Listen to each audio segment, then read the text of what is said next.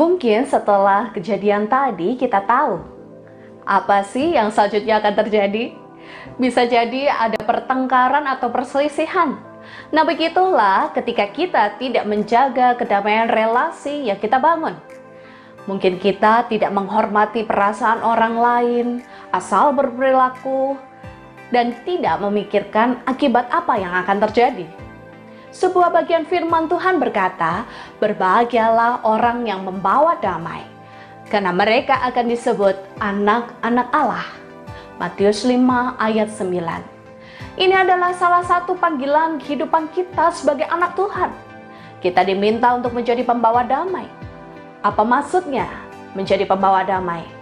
Sebenarnya sifat pembawa damai ini mengacu kepada kata selanjutnya, yaitu anak-anak Allah. Sebagai anak Allah yang sejati, kita dipanggil untuk menjadi penengah bagi sesama kita yang berselisih. Dan kita dipanggil untuk menjadi orang yang menciptakan kedamaian.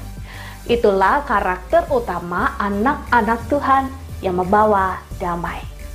Tetapi pembawa damai atau peacemaker bukanlah orang-orang yang bungkam karena kericuhan yang terjadi. Namun mereka membuka mulut mereka untuk menyelesaikan permasalahan dengan bijaksana.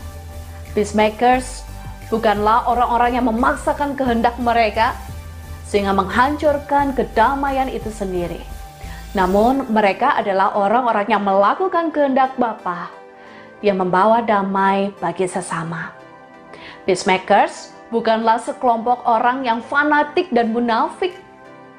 Namun mereka adalah orang-orang yang bersimpati dan berempati dengan tepat.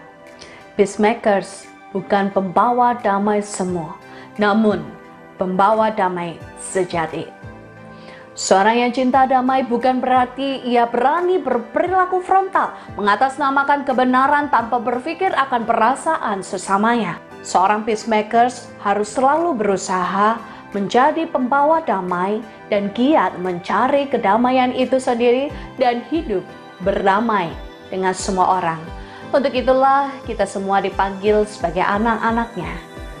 Dengan kita berusaha menjadi peacemaker, mungkin kita akan dituntut untuk keluar dari zona tenang kita.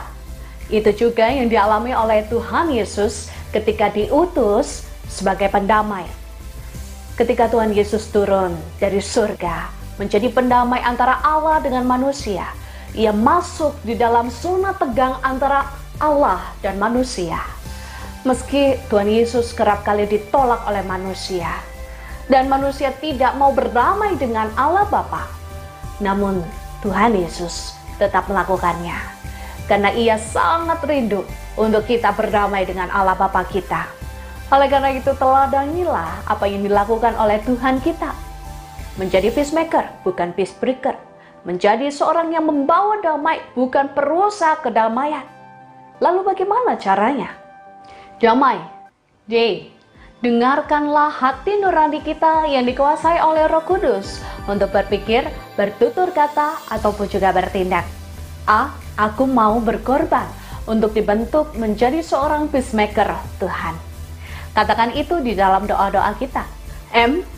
Memandang dan mengingat semua karya penebusan yang dilakukan oleh Tuhan Yesus di dalam kehidupan kita. Itulah yang harus kita lakukan. A. Anak-anak Allah itulah yang menjadi sebutan bagi setiap kita yang mengerjakan pekerjaan Allah ini. I. Inilah saatnya kau dan aku berjuang membawa damai Kristus di mana pun kita berada. Apakah kita mau menjadi seorang pembawa damai? Amin.